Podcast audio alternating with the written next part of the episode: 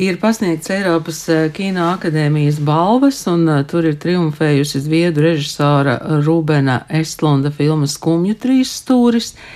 Un ir filmas, kuras mēs esam redzējuši Rīgas starptautiskajā kinofestivālā, un droši vien, ka Eiropas kino ir to pelnījis, lai pēc šī trakā pandēmijas biruma mēs paskatītos, ko tad mēs varam šeit Rīgā redzēt un Latvijā skatīties arī uz lielajiem ekrāniem, un ko kritiķis un pētniecis domā par to, kāds tad ir bijis eh, Eiropas Kino akadēmijas eh, lēmums, un, protams, mēs eh, skatāmies uz priekšu arī skatītāji varēs balsot par luks filmām. Bet uh, viss pēc kārtas šodien studijā Rīgas starptautiskā kinofestivāla radošā direktora Sonora Broka. Labdien! Labdien! Luks skatītāju balvas atlases pārstāve Paula Bērziņa. Labdien! Sveiki! un kritiķa un pētniece Dārta Ceriņa. Labdien! Labdien. Man vispirms tas jautājums jums, kā jūs skatāties varbūt no tādām savām pozīcijām uz to, kā ir lēmusi Eiropas Kino akadēmija. Skumju trīs stūris, acīm redzot, nebija pārsteigums, bet kā kopumā? Nē, nu, tas it kā it kā nebija pārsteigums, un varbūt tomēr arī bija drīzāk nevis pārsteigums, bet vilšanās. Jo, manuprāt, tas balvu birums, kādu saņēma Rubens Eslons, norāda pirmkārt uz faktu, ka Eiropas Kino akadēmijas biedri nebūtu ne tik aktīvi neskatās nominētās filmas. Viņi drīzāk paļaujas uz to, ko viņi ir redzējuši. Un tā ir, un šī filma saņēma Palmas zaru Kanu kinofestivālā, līdz ar to viņa tiešām bija visiem palikusi atmiņā, un daudz viņi bija redzējuši, viņi bija izskanējusi skaļi. Un otrkārt, arī uz to, ka tas ir, protams, tāds varbūt bara instinkts arī, arī sarunās, nu, par ko tad tu balsos. Ah, es tur, nu, tur esluns un ko, un jā, viņam tur labi kā vienmēr. Uh, Bet um, arī, zin, jā, es, pat, es varbūt to filmu raksturot kā tādu kino, um, tādu arthouse popkultūru. Jo, jo Rubens Eslons ir gana erudīts uh, režisors, cilvēku pazinējis, labs cilvēku pazinējis. Viņš ļoti labi pazīst to auditoriju, kādai viņš veido filmas. Un viņš viņus, uh, nu, principā, izklaidē un apkalpo. Nu, tādā rūpējas par to, lai viņiem būtu jautri, lai viņi būtu izklaidēti, lai viņiem būtu pēc tam neliela viela pārdomām. Bet es neteiktu, ka tas ir tāds īpašs tiešām kino sasniegums. Visas pārējās trīs filmas, manuprāt, ir uztvērušas daudz smalkākas kino stīgas, un tas ir tiešām kino, kas, kas runā par, par tēmām, par kurām tiešām mums būtu šobrīd jāatceras. Teiksim, Lukas Donta filma Tuvu, kas ir stāsts par tādu pusauģu zēnu draudzību, un, un kas ir tiešām stāsts par, par te, par šo sasaisti starp maskulinitāti un, un draudzību, starp draudzību jaunu vīriešu, jeb zēnu starpā, kāda viņi drīkst būt, kādu sabiedrību viņi vēlas redzēt šo draudzību, un par to, ka mēs īsti neļaujam zēniem izaugt uh, jūtīgiem. Emocionāliem, ka mums ir visiem jābūt tā kā spartā. Vīrieši nodarbojas ar sportu, meitenes eh, apkampjās, sēž blakus, raksta vēstules uz rozā papīra. Nu, par šiem, te, par šiem te klišajām un stereotipiem, par to, ka mēs tiešām eh, bremzējam visu laiku zēnu emocionālo izaugsmu, liekot viņus šajās kastītēs. Filmu tu vari redzēt arī Rīgā, vai ne? Filmu tuvu uh, konkrēti nepateikšu, bet jā, viņai, uh, viņai ir jābūt. Uh, Viņa šobrīd ir kinoteātros. Šobrīd ir kinoteātros, jā. jā. Mm.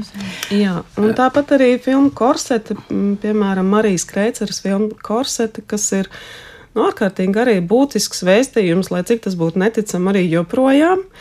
Par to, kā tas ir nu, būt sievietei, sekot arī šiem priekšnoteikumiem, kā, kā uzvedas uh, labi audzināta sieviete, kā, kāda, kāda ir šī etiķete, kāda viņai ir jāievēro sabiedrībā.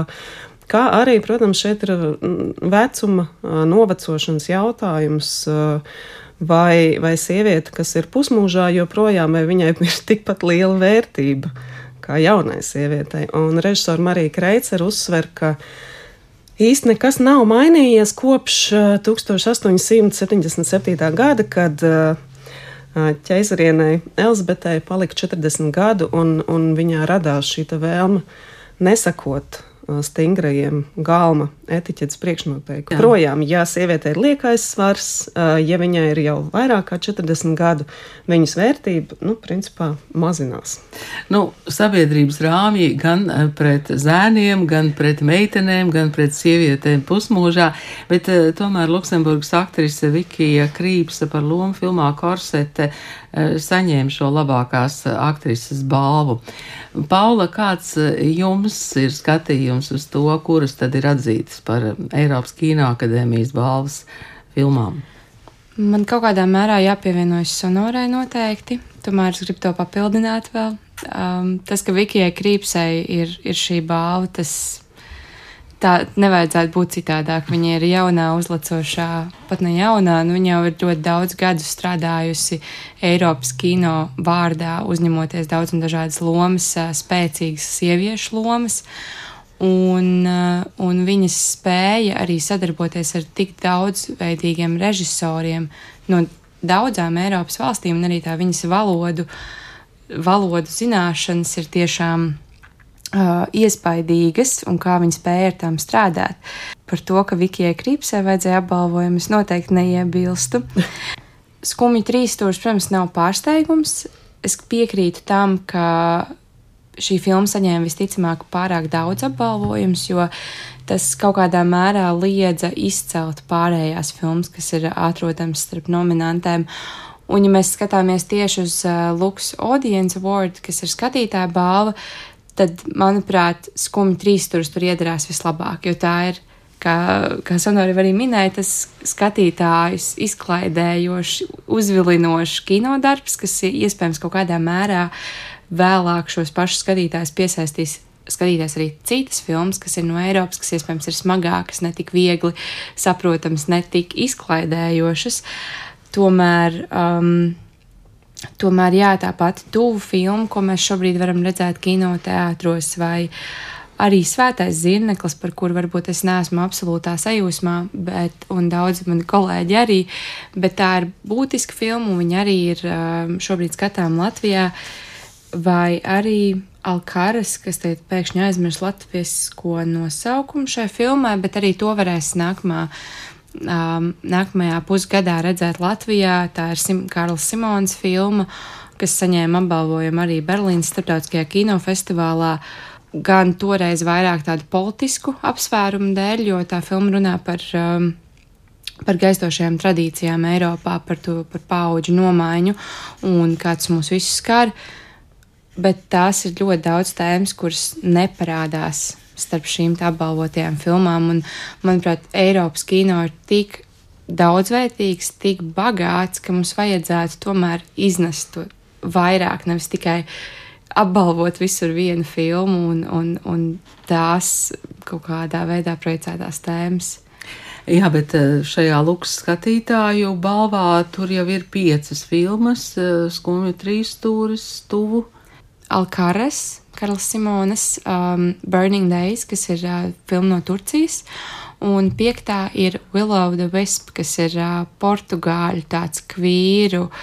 Izaicinošs, skaists darbs, pat nezinu, kā to nosaukt, jo filmā ir ārkārtīgi daudz dejojoši ugunsdzēsēji, kas, um, kas uh, bauda mīlas priekus arī mežā, un, tā, un tiek citāta Greta Thunberga, un tur ir mazliet vairāk kā stundas laikā ielikts pilnīgi visas absolūtā sajūsmā par šo filmu, kas uh, ar šiem te izteiksmes uh, elementiem spēlējas, uh, runājot tieši par klimatu krīzi. Ugunsgrēkiem, kas bija Portugālē.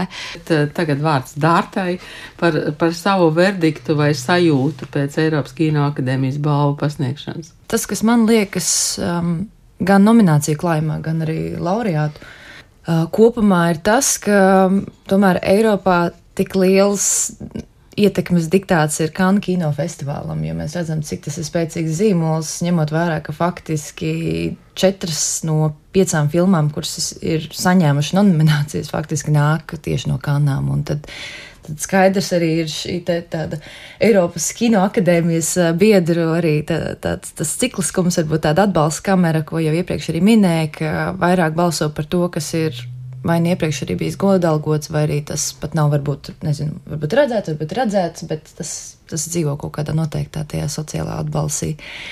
Bet domājot par pašām filmām, vai jau iepriekš jau nopelto Rūbena Eslunda skumju trīstūri, man tomēr šķiet savā ziņā tas ir um, savā ziņā pat uh, labi, uh, ka žanra filma, jo tā ir satīra. Um, ar izteikti arī, protams, nākot arī no Zviedrijas ar šo sociālismu, arī tādu odarīti, un kas apspēlē arī to zviedru teicienu par to, nu, ka sabiedrības daļa, kas ienāk tā kā telpā uz, uz tās saucamās garneļas viesmaizes, ko viņi tā kā uzskata par tādu slikto toni, un tad uh, par šiem te elitistiem un, un, un, un viņu uh, ikru asarām, tad, manuprāt, tas ir. Uh, tas varbūt pat ir labi, ņemot vērā to, ka Eiropas kino ir um, cita veida attiecības ar žanru kino.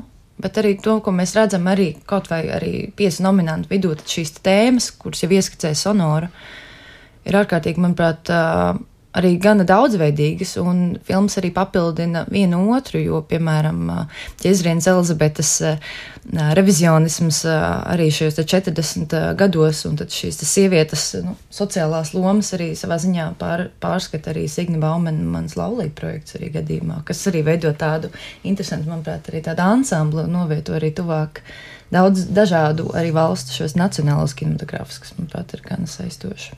Jā, es domāju, ka tieši šogad starptautiskajā kinofestivālā gan Signas Baumanas mans laulība projekts, eh, kur ir apspēlēts arī šīs tradicionālās zēnu meiteņu lomas un, uh, un vispārējais, un vēl daudz kas cits. Un uh, filma Korsete tieši Rīga IFA kontekstā varbūt veidoja to, to vienu platformu, kas vienotru papildina. Bet uh, Sigmas Baumanas filma Mans laulība projekts bija nominēta Eiropas filmetrāžas animācijas filmu sarakstā, bet filmu ieguva franču režisora Alēna Ugeto filma Aizliet suņiem un itāļiem. Eh, par suņiem un itāļiem es, protams, esmu redzējusi tikai traileri, Un uh, man uzreiz bija tā sajūta, ka tur ir tomēr tas, tas politiskais uh, aspekts, tā, nu, uh, Eh, kā franči izturējās savu laiku pret itāļiem un tā tālāk. Bet, bet varbūt, ka es kļūdos, ko jūs sakāt par animāciju? Nē, noteikti tam ir eh, reģionāls raksturs eh, šim te Eiropas Kinoakadēmijas balsojumam. Ir izteikti reģionāls raksturs, to, piemēram, arī pierāda tā, šī pati Alkarasas nokļūšana topā, jo Nu, tā, tā ir ārkārtīgi skaista filma, bet ne tāda, kas, kas tradicionāli iekļūtu topos. Tomēr eh, es gribu aizstāvēt šo filmu, eh, kā, viņa latviešu suņiem un itāļiem aizliegt. aizliegt jo man šķiet, ka, ka Signas Baumans filmai tiešām bija tāda ļoti, ļoti cieņpilna konkurence. Tiešām šīs filmas mm, ir ārkārtīgi spēcīgas eh, animācijas un, Un šī uzvarējusī filma, kas līdzīgi kā Signe arī daļai izmanto leļu animāciju, viņi gan iekļaujas ļoti, ļoti spēcīgajā franču animācijas tradīcijā, un viņi arī tā, manuprāt, ļoti jūtīgi runā par tādu nevisai varbūt patīkamu faktu Francijai. Tātad, jā, tas ir laiks 20. gadsimta sākumā, kad, kad Itālijas ziemeļos šī nabadzība un pat bats spiež itāļu ģimenes uh, meklēt darbu Francijā, un, un francūžiem tas tik ļoti šķiet uh, kaitinoši, ka viņi liek šīs zīmes pie.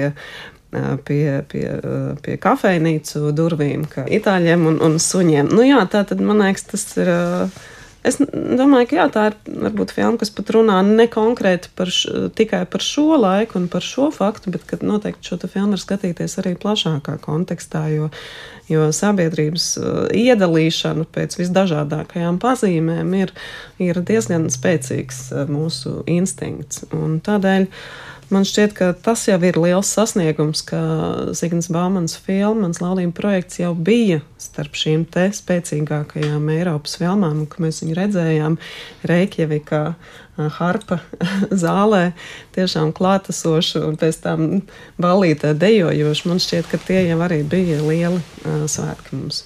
Vai, vai, vai ir Paula un Dārta kādas piebildes vēl par vai nu par animāciju, vai nu par kādu citu filmu? Jā, jāizceļ Manta Kedrāviča Mariupols otrā daļa, skatoties filmu arī pirmo reizi klātienē, ka tas bija diezgan satricinoši arī kinoseans, jo filma iznāca pirmo reizi uz ekrāna Kanu kinofestivālā, kas bija māja um, vidū noslēgumā, un uh, bija faktiski pagājuši nepilni trīs mēneši no pilna mēroga iebrukuma, un tas kādu, teiksim, tādu kinematogrāfisko jēlumu, trauslumu pat filma arī uzrāda, kurā arī mans, kurš tur arī šo kameru, kas, kas trīceļo kamēr fonā ir eh, arī pārējie arī ukrāņi, kas bēg un sildās pie tādiem ķieģelīšu, tādas čupas, kur ir vidū liesmiņi, vai arī kungs, kurš stāsta, kur māja ir eh, sabrukus, kurai viņš ir faktiski visu dzīvi veltījis, un tad uh, viņam iepriekš bija cik tur tie vairāk desmit tie baloži, un tagad balodīšiem nav māju, tas, uh, tas viss kaut kā arī savīs nevien tikai šīs te traģēdijas mērogā, bet arī tajā mākslinieckajā valodā, kas ir pilnīgi tāda neatīrīta, viņa ir ļoti raupja. Arī. Tas ir tā kā bez ādas. Jā, jā, jā savā ziņā, un kas tas tiešām arī, es domāju, vairumam, un es domāju, arī pamatot arī filma ir, ir izpelnījušies šo uzmanību, un, un viņi arī ir. Jā, viņa ir pelnījusi. Arī. Vai ir kāds komentārs par Eiropas atklājumu? Itāļu režisoris Lauras Manī filmu Mazais ķermenis. Mazais ķermenis ir uh, satricinoša, uh, tiešām satricinoša filma, kas man ir palikusi ļoti spēcīga atmiņā. Man bija bažas, ka, ka viņi varētu neiegūt uh, gan lielu uzmanību festivālā. Tā ir ļoti, ļoti neparasta, manuprāt, uh, vispār Itālijai filma, uh, kas arī pieskars tādam, tādai situācijai, ko ko nākas e, izdzīvot e, sievietēm arī šobrīd, bet tieši šajā 19. E, gadsimta izskaņā piedzīvo jauna sieviete, kurai dzimst jau, jau miris bērniņš. Viņš tā arī neievelk nevienu elpas vilcienu. Un, un pēc to laiku valdošajiem uzskatiem, tātad šis bērns nonāk tādā kā limbo, tādā kā telpā, kur mīt tās uh, dvēseles, kas nav kristītas, kuras nav ievilkušas nevienu elpu, līdz ar to viņas nedrīkst kristīt. Un šī jaunā sieviete nevar pārdzīvot to domu, ka viņas bērniņš mitīs kaut kādā elpas priekškambarī, un viņi dodas. Uh, kas ir ārkārtīgi nepieņemami to brīdi, jo šie cilvēki ir ļoti piesaistīti savai dzīvesvietai. Jaunas sievietes vispār nedodas nekādos ceļojumos vienas pašas, jo tas principā tās ir briesmas viņu dzīvībai. Viņa dodas ceļojumā pāri visai zemē, cerībā atrast kādu, kurš kristītu tātad viņas ne, nedzīvo bērniņu, lai viņa dvēsele rastu mieru. Un, eh, un es ārkārtīgi, ārkārtīgi priecājos, jā, ka šī filma ieguva balvu, un, un tādā veidā arī jaunā režisora tika pamanīta. Jo tā tiešām ir ļoti, ļoti neparasta filma, un es tomēr domāju, ka mēs vēl dzirdēsim režisors vārdu arī turpmāk. E, jā, protams, ir svarīgi, kuras filmas e, no Eiropas kino mēs e, varam redzēt. Un, um, Rīga IF turpina tradīciju rādīt Rīga IF kolekcijas filmas, un pirmā bija Kluso salu fikcija. Un es aicinātu pievērst tai uzmanību, jo vēl līdz 15. decembrim šī filma ir, ir skatāma. Nu, neparasta filma. Es domāju, kā lai to noformulē, un tad es izlasīju, ko Ilmārs Šlāpins raksta, ka, ko lai saka par filmu, e, kur tu visu laiku nesaproti, par ko ir filma, bet viņa ir tik hipnotizējoša, ka tu tur vienkārši esi ievilkts. Jā. Droši vien, ka jūs uh, varēsiet formulēt citādāk, Bet uh, filma Kluso salu fikcija patiešām ir, um, nu, es nezinu, modes vārdā varētu teikt, imersīvs kino. Jā, tas ir viennozīmīgs. Domāju, skatītāja skatienu maņas, arī ķermenis savā ziņā pilnīgi iegremdējošs kino. Un tam arī sasaist arī ar darbības vietu, arī ar Teitī Eh, Franču Polinēziju, kas faktiski ir šī teritorija, kas ir ļoti ilgu laiku arī atradusies eh, Francijas eh, koloniālisma un politikas ietekmē. Un, un jā, un filma kaut kā arī man personīgi arī visam vēl svaigi arī jaunskatot to atsviež. Nu, faktiski tādā pozīcijā, kur atrodas arī, manuprāt, mūsu arī skatītājs, tādā kodolkara vai, vai vispār koloniālisma vai tādas pilnīgi uh, negausīgas uh, varas um, tādā pavēnī, manuprāt. Līdz ar to tā filma arī neskatoties uz tādu savu gauso skābes uh, filmas efektu, kas ir, manuprāt, ārkārtīgi arī, arī vizuāli fascinējoša, tomēr arī spējas arī atšifrēt to stāvokli, kur atrodas arī filmas varoņi.